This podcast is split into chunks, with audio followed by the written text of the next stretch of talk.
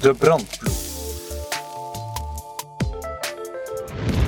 Vandaag in de studio zitten we met Ludovic Ampe, co-founder van Neuroventis. Goedemorgen Ludovic. Goedemorgen Ruben, bedankt voor de uitnodiging. Ludovic, je kent misschien ondertussen mijn uh, befaamde openingsverhaal. Moest ik u een telefoon in uw handen steken en ik zou u vragen om een Tinder-profiel aan te maken. Wat zou uw omschrijving zijn? Goh, ik, zit, ik heb op Tinder gezeten, uh, al even niet meer nu. Uh, de drie woorden zouden zijn avontuurlijk, sportief en altijd up voor uh, a drink en een bite, zoiets. Wil je sportief zeggen. Welke sporten doe je? Um, ik speel momenteel hockey, tennis en ik ski ook uh, zeer graag. En daarnaast nog tijd om, uh, om te ondernemen. Fantastisch. Moest ik u nu over het ondernemerschap de exact omgekeerde vraag stellen van wat jullie doen? Wat is eigenlijk het omgekeerde van wat jullie met Neuroventis proberen doen? Wat zou dat dan zijn? Dat is eigenlijk gewoon um, de gezondheidszorg niet proberen verbeteren. En dat is eigenlijk alle problemen momenteel um, geen technologie gebruiken in de gezondheidszorg om de kwaliteit van patiënten te verbeteren. Um, mensen laten gezondheidszorg doen zoals ze twintig jaar geleden gedaan hebben. En eigenlijk ons, ons tevreden stellen met hoe dat momenteel verloopt. Maar dus in realiteit zetten jullie vooral technologieën om de gezondheidszorg meer kwalitatief te krijgen en ik hoop dan ook te versnellen richting een stap voor de toekomst. Hè?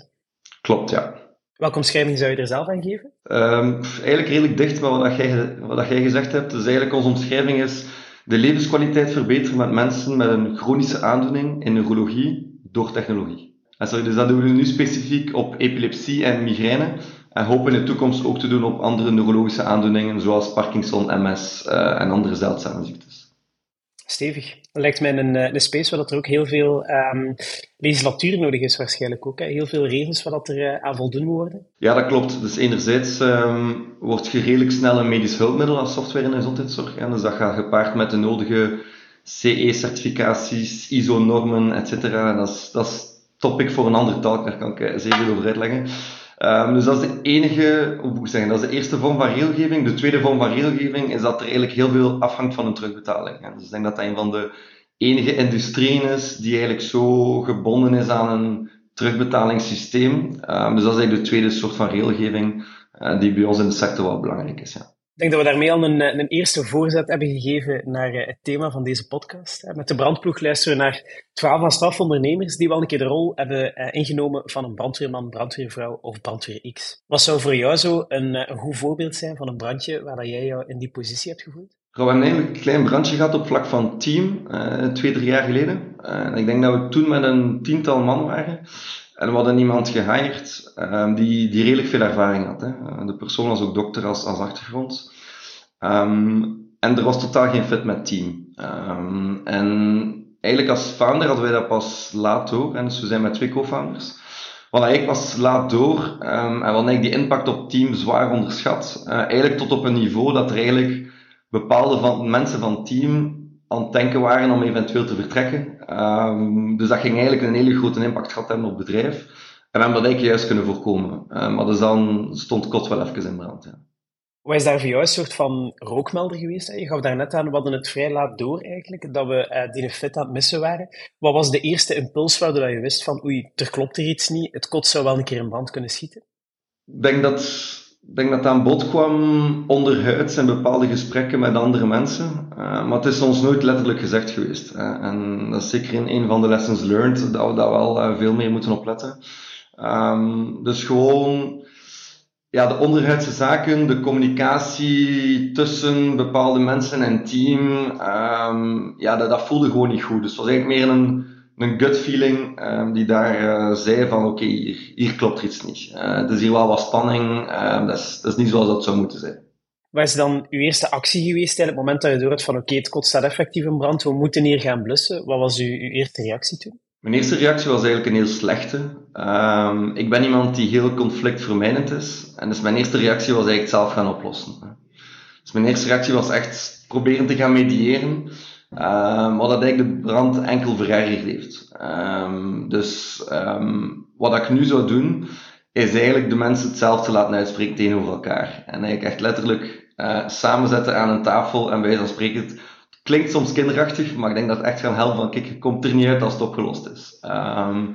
Want opnieuw daar de, de tussenpartij en de mediator spelen um, heeft zeker niet gewerkt. Dus dat was, om te antwoorden op uw vraag, de eerste actie, maar dan eigenlijk ook wel de slechtst mogelijke actie dat je kunt nemen. Ik hoor je net ook aangeven, mijn, mijn eerste uh, reactie was eigenlijk misschien niet de allerbeste. Dat is ook vaak wel wat we horen. Meestal als, uh, als de brandweer gebeld wordt, dan, dan moet die eerste reactie nog komen. Wat was uiteindelijk uw rit richting de oplossing? Als je zou moeten weergeven van uh, uiteindelijk hebben die een brand wel geblust gekregen, uh, hoe zijn jullie daar dan naartoe genavigeerd?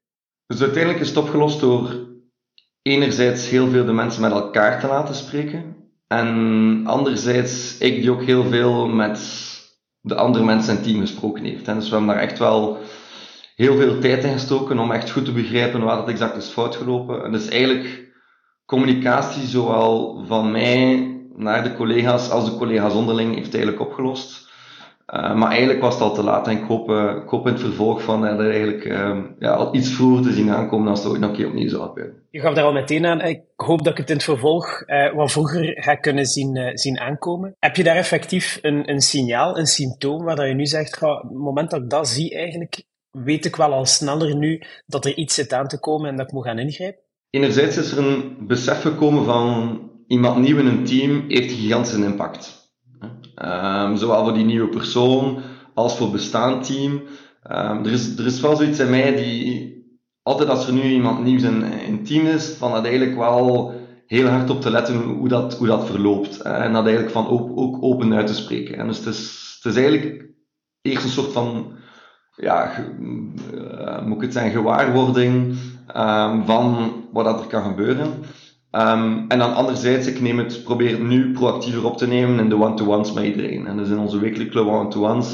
Ik zeg niet dat, ik, dat we iedere week de teamsfeer bespreken, maar dat is zeker in het begin, dat ik wel een keer uh, probeer te polsen van aan ah, hoe is en kunnen we die persoon helpen om beter te integreren in het team, of, of wat is de impact op u, en, en gaat het een beetje. Dus ik probeer het gesprek eigenlijk iets, uh, iets meer proactief op tafel te gooien. Begrijp ik dan goed dat jullie een soort van strategie hebben uitgetekend om iemand die nieuw in het team toekomt, om die eigenlijk te gaan begeleiden naar hoe kan jij uh, jouw plaats in het team beter vinden, maar ook omgekeerd, hoe kan het team uh, zich beter plaatsen tegenover jou? Een strategie zou ik een groot woord noemen. Um, laten we zeggen dat we ons onboardingproces wel verbeterd hebben. Um, en ten tweede um, gaan we altijd voor die bepaalde persoon gaan kijken wat dat de eventuele risico's zijn. Dus um, ik geef je een concreet voorbeeld. Um, een persoon die, die heel veel rode energie heeft en typisch een, een salespersoon die heel hevig is, dan weten we dat dat risico's kan hebben op, op bepaalde andere mensen op team. Dus we proberen eigenlijk ook wel uh, na te denken van oké, die type persoon in dat team, welk effect kan dat hebben en hoe kunnen we eventueel de risico's mediëren op voorhand. Right. Je geeft daar aan, hoe kunnen we die risico's mediëren? Heb je daar een bepaalde tool voor, een bepaald uh, proces dat je daarvoor gebruikt? Niet echt. Ik denk daarop niet dat communicatie de sleutel tot succes is. Um, Allee, bij ons interviewen de teamleden ook meestal mee als er een, nieuw teamlid in, uh, het team komt. Um, dus dat wordt eigenlijk ook open besproken. En dus ook, ook de beslissing van eventueel een nieuwe persoon te hiren of niet. Uh, dat wordt eigenlijk redelijk open ook in het team besproken. En als er dan zaken worden besproken van kijk, dit zijn de risico's, dan probeer je die samen in het team op te lossen. Dus iedereen is daar eigenlijk wel een beetje van op de hoogte. En, en het is eigenlijk een soort van team effort om, om die persoon eigenlijk zo snel mogelijk te laten integreren in het team. Op het moment um, dat je uh, die brand bent gaan blussen, eigenlijk, had je op dat moment een medebrandweerman? Had je een beetje het team rondom jou staan om jou daar ook verder in te helpen?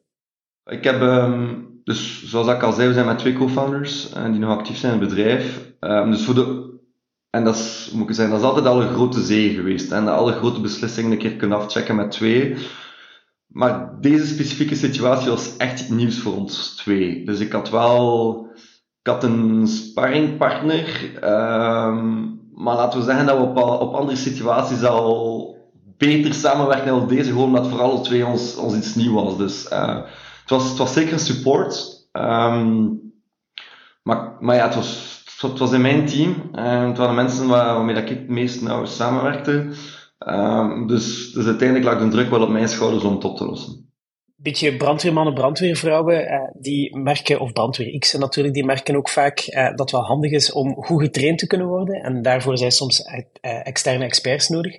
Hebben jullie ook op die momenten van een, een brand of een beetje te warm gevoel in, in het gebouw, zo gezegd, hebben jullie daar beroep gedaan op externe experts? Um, toen op dat specifiek moment niet. Um, dat is wel op een moment gekomen waar dat eigenlijk um, ons volledig managementteam begonnen is met, met coachingstrajecten. En dus ik denk van de vijf mensen van het management uh, zijn, zijn de meeste bezig nu met coachingstrajecten. Um, en dus dergelijke situaties worden typisch besproken met, met coaches. Ja. Dus dat is eigenlijk iets, was misschien een trigger achteraf gezien, ik weet het niet exact, maar we, we waren toen wel op een situatie van, bon, uh, er komen hier bepaalde managementvereisten. Um, er zijn vragen op, op cultuur, um, er zijn af en toe een keer wat, wat struggles, we zijn ook allemaal uh, redelijk jonge, um, jonge mensen met toch wel wat verantwoordelijkheid. Kunnen we daar iets aan doen? En dus daar zijn die coaches dan, dan bijgekomen. Dus nu hebben we dat inderdaad wel in, in plaats, uh, want dat toen twee, drie jaar geleden niet. Heel concreet, mocht je een gouden tip mogen meegeven aan iedere co-ondernemer of iedere startende ondernemer, een beetje een soort van rookmelder om sneller uh, een brand te kunnen herkennen, wat zou die dan zijn voor jou? Proberen redelijk veel informele momenten met team in te lassen en gewoon een keer vragen van hoe dat is. om de koffie te pakken links-rechts. wat wij beginnen zijn doen is wandelingen maken helpt heel goed om gewoon een keer te spreken wat het algemeen is. Dus een keer uit, uh, uit een bureau komen. En dat helpt. Uh, en dan meer voor de ik het conflictvermijdende ondernemers, of, uh, zo, zoals ik, zou ik zeggen van, ja, dergelijke zaken, dat wordt alleen maar erger. Dus als je ziet dat er iets niet, niet klopt met het team, ja, zo snel mogelijk proberen begrijpen, ingrijpen en, en actie ondernemen, want dat lost zichzelf niet op. Zou ik dat laatste dan mogen samenvatten als een brand die eigenlijk, of iets dat eigenlijk al warm aan het worden is, dat er eigenlijk gaat blijven branden totdat je het zelf effectief blust, en dat je dus niet mag vanuit gaan dat het zichzelf zal oplossen? Ik spreek maar vanuit een beperkte ervaring hier. Hè. Dus uh, we hebben geen uh, tienduizenden uh, uitdagingen gehad op, op teamniveau. Ik denk wel dat de brand dat wij gehad hebben nu op, op teamniveau, dat dat zijn eigen ging opgelost zijn. Of dat ging mensen gingen betrokken zijn en het ging niet opgelost zijn. Um, dus, dus voor die specifieke situatie denk ik dat je het zelf moet doen. Ja. Merci Ludovic om erbij te zijn vandaag.